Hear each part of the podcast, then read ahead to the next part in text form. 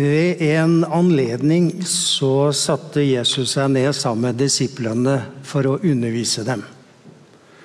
Og blant annet så sa han, som vi leser om i det sjette kapittelet hos Matteus, så sa Jesus slik skal dere be. Vår Far, du som er i himmelen. Kan vel på en måte si at det er en kombinasjon av fire ting som, som liksom danner bakgrunnen for prekenene i dag. For det første så er det en artikkel jeg leste som handlet om bønn, og som irriterte meg noe så voldsomt. For det andre så har jeg snust litt på internett og hentet litt facts derfra. Og for det tredje så har mine tanker surret rundt som pga. denne å, artikkelen. Og for det fjerde så får jeg vel lov til å si litt inspirasjon og hjelp og en smule tålmodighet fra Den hellige ånd. I eh, et magasin så, så sto denne artikkelen. Og eh, forfatteren skriver at det å be må vel et menneske gjøre. Og det av følgende grunner. Det er så mye som stormer på nåtidsmennesket utenfra. Arbeid, mas, telefoner, trafikkstøy, radio, film osv. Mennesket er simpelthen nødt til å bygge en mur rundt seg for å beskytte seg mot dette hav av inntrykk og krav. Og det beste beskyttelsesmiddelet må være en tilstand av indre samling for å motvirke den truende utadvendten i vår moderne livsstil. Denne, denne tilstanden av indre samling er uten tvil i slekt med det som de kristne kaller bønn. Selvfølgelig må man ikke gå frem som om man trodde at man talte med et virkelig du. Dette er kun en hjelpekonstruksjon som bare dreier seg om en samtale med seg selv, og som skal bringe avklaring og samling i sinnet. Så langt artikkelen. Er noe rart du blir irritert når du leser sånn tøv? Eh, en teolog eh, grep fatt i artikkelen og skrev til svar. Denne lengselen etter bønn som nekter seg selv en virkelig oppfyllelse, er rystende og ligner den ultimate tragedie hos et barn som har mistet sin far. Det moderne mennesket går gjennom livets mørke skog hvor farer lurer. Nåtidsmennesket kaller dette for livsangst. Og Vi har sett det nå disse siste to årene særlig, hvor pandemien har herjet og hvor ensomheten har vokst seg sterkere og sterkere, og eh, psykiske lidelser har skutt i været. Det moderne mennesket skulle gitt veldig mye for å få forsikringer om at det er en som er med på ferden.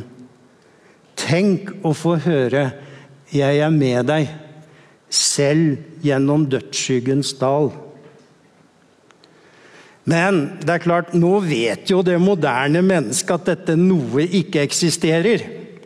Mennesket må på egen hånd kjempe sine kamper og det begynner å snakke med seg selv for å gjøre omgivelsene litt mindre truende. Det er da jeg har lyst til å reise meg opp. Jeg holdt på å si i all min velde, selv om ikke det er stort å skryte av. Men i alle fall, jeg har lyst til å rope ut og si til mine medmennesker Jeg tror på vår Far i himmelen. Og jeg får lov til å tro at himmelens og jordens skaper har et faderhjerte som banker for oss. Det er Jesus selv som sa vi kunne tro på det. Og hva mer er, vi får lov til å be til vår far.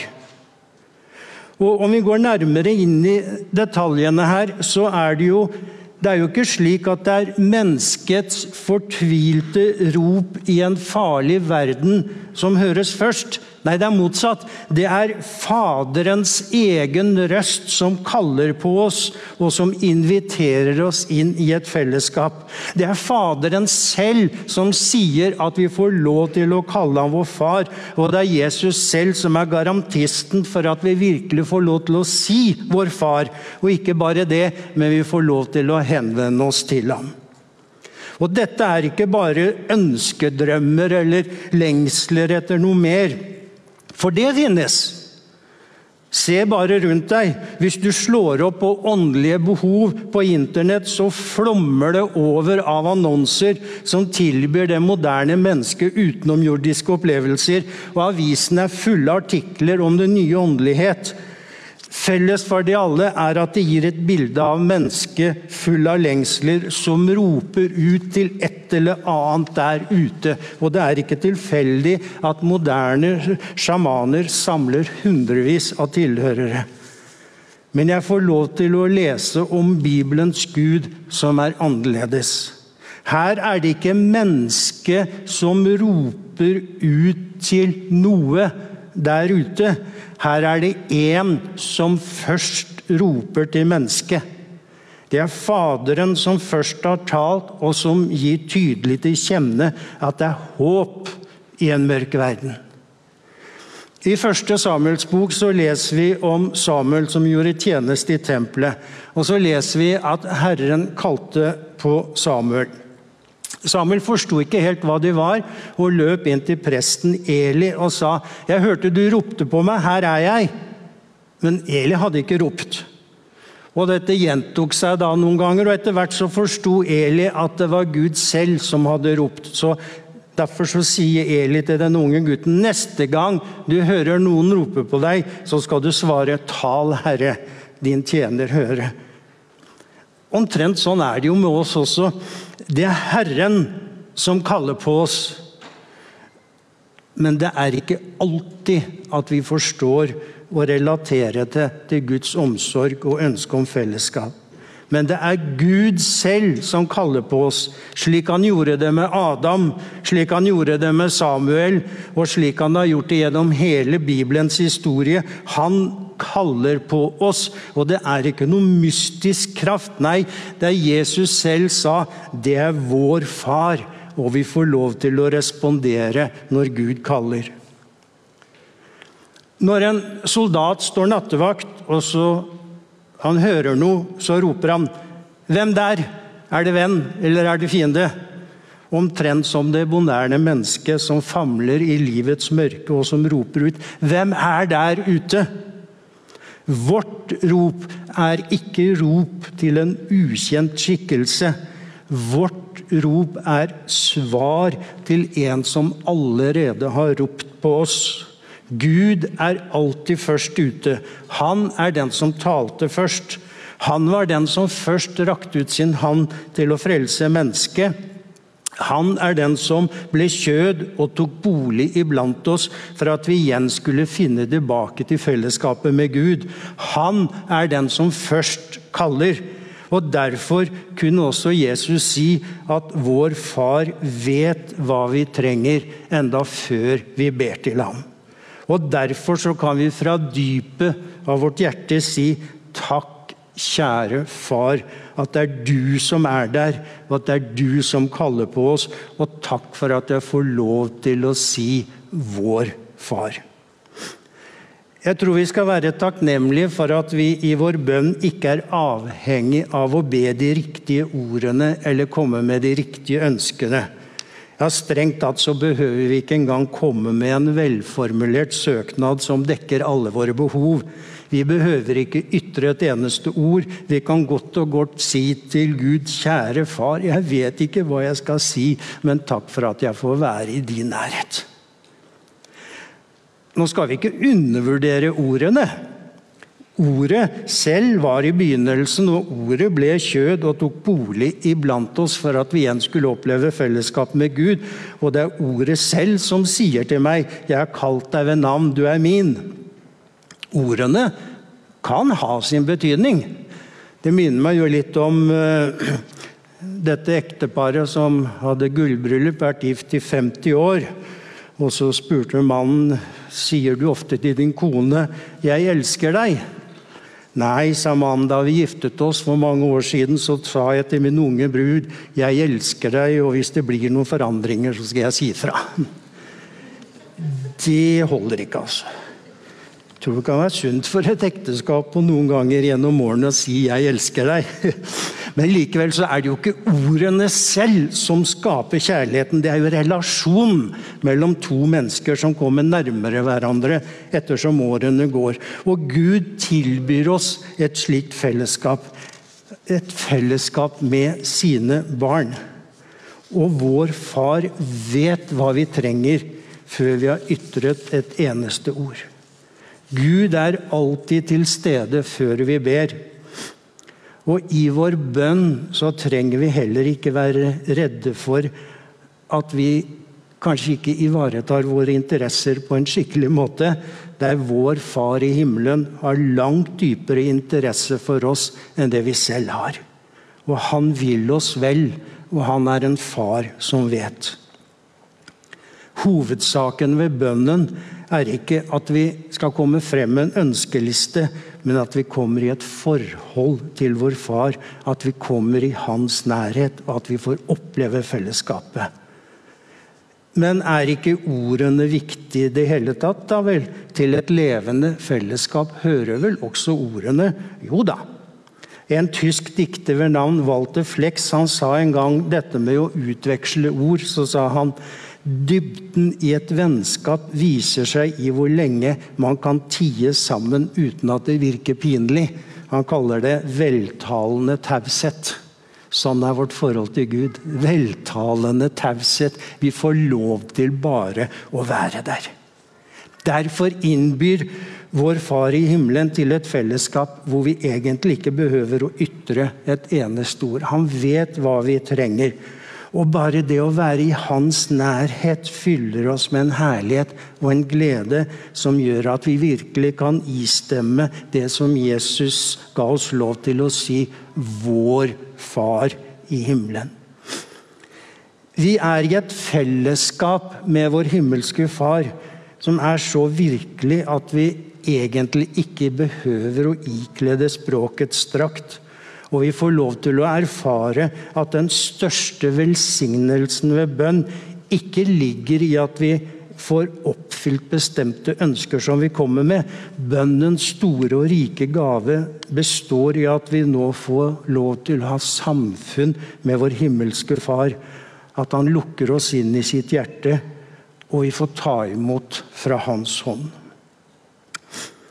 Men igjen, vi får lov til og ytre ord. Og det var jo derfor også Jesus sa at slik skal dere be. Og vi får lov til å ytre ordene som et uttrykk for vårt indre. Og når Jesus sa vi skulle be, så var det nok også fordi Jesus visste hvor viktig bønnen var. For hvis mennesker slutter å be, hvis vi slutter å tale med Gud, hvis vi slutter å henvende oss direkte til ham, da begynner vi kanskje istedenfor å snakke om Gud, istedenfor til Gud. Og da står vi i fare for å miste samfunnet med Gud, og læren om Gud blir isteden en teori som erstatter det levende samfunn hvor vi får lov til å si fra dypet av vårt hjerte 'Vår Far i himmelen'. Vår Far gir oss barnekår hvor vi får rett til å være i Guds nærhet. Hvis du slår opp i Det norske akademis ordbok og ser etter ordet barnekår, så defineres det på denne måten. Barnekår er en privilegert stilling som man som barn har i forhold til sine foreldre. Vi har barnekår hos Gud. Dvs. Si, vi er i en privilegert stilling som betyr noe langt mer enn bare arverett. Hvorfor sa Jesus 'vår far'? Kunne han ikke heller bare sagt at, uh, til disiplene at når dere ber, så skal dere si 'min far i himmelen'? Nei, jeg tror at den bønnen som Jesus lærte oss, også understreker fellesskapet mellom alle troende. Vi er forskjellige. Noen har kvinnelige biskoper, mens andre ikke engang tillater kvinner å tale. Noen har voldsomme kunstneriske utsmykninger i veldige katedraler, mens andre mener det er best bare å ha nakne murvegger. Noen synger salmer uten musikalsk følge, mens andre trår til med elgitar og trommer. Noen ber stille, mens andre hever armene og roper ut i andre tungemål. Vi er forskjellige, men vi har én ting felles, alle vi forskjellige. Alle vi får lov til å si i kor 'Vår Far i himmelen'. Og dette fellesskapet er så fantastisk. Og det er så mye, mye, mye mer enn de debattene vi leser om kristne dogmer og læresetninger. Og det er levende fordi vi forener oss i den bønnen som Jesus lærte, og sammen så får vi lov til å si 'Vår Far'. Jeg har lyst til å fortelle en uh, episode. Jeg vet jeg har fortalt den her før, men uh, jeg har lyst til å fortelle den en gang til. Vi var med på eh, en såkalt guidet tur til USA. Og på programmet så sto det at vi skulle eh, være med på en gudstjeneste i en svart kirke i Harlem. Jeg spurte hun guiden hva sier de andre. Vi var en god del nordmenn. Ja, Mange av dem var ikke bekjennende kristne. Nei, så dette står på programmet, så her skal alle være med. Så, det, så vi satt bakerst i land. Og de satte i gang. Og jublet og sang, og, det var helt voldsomt. Og, og, alle sang til 'I need you', 'I love you', 'I'll pray for you'. Og der satt vi bakerst. Og der satt jeg og tenkte Hva gjør jeg? Nå er ikke jeg den som egentlig er veldig kjapp til å heve hendene. Jeg gjorde det en gang på et møte. Jeg var støl i tre dager etterpå. Så, eh, så det, er liksom ikke, det ligger ikke helt sånn for meg. Men tenkte jeg har to muligheter. Enten så får jeg sitte som en tilskuer og se på dette og se hvor fantastisk det er. Eller så får jeg hive meg i det og være med. Så valgte jeg det siste, da. og jeg husker vi sto ved benkene, og jeg stilte meg opp litt sånn forsiktig nølende. Og kom en svær branne bort til meg. en av de svarte. og omfavnet meg skikkelig og sa I love you, I need you, I will pray for you. Og da kjente jeg takknemligheten. Vår Far i himmelen. Da opplevde jeg hva et fellesskap vil si. Fantastisk. Vi lå så tungt på vår fars hjerte, og hans kjærlighet til oss var så stor at han gjorde alt for å utslette avgrunnen som oppsto etter at mennesket gjorde opprør. Derfor så samstemmer Betlehem, Golgata og den tunge, tomme graven. Vi har en hyrde. Himmelen er åpen. Vi har en far i himmelen. Komme hva komme vil. Vi får lov til å kalle himmelens og jordens skaper for vår far. Og i en håpløs verden så får vi lov til å leve med håp. Og i en verden hvor fremmedfrykt og hat vokser, og ensomheten har gode vekstvilkår, så får vi lov til å leve i fellesskap med hverandre og i et fellesskap med vår himmelske Far. Og vi får lov til å si med den største selvfølgelighet Vår Far i himmelen. Amen.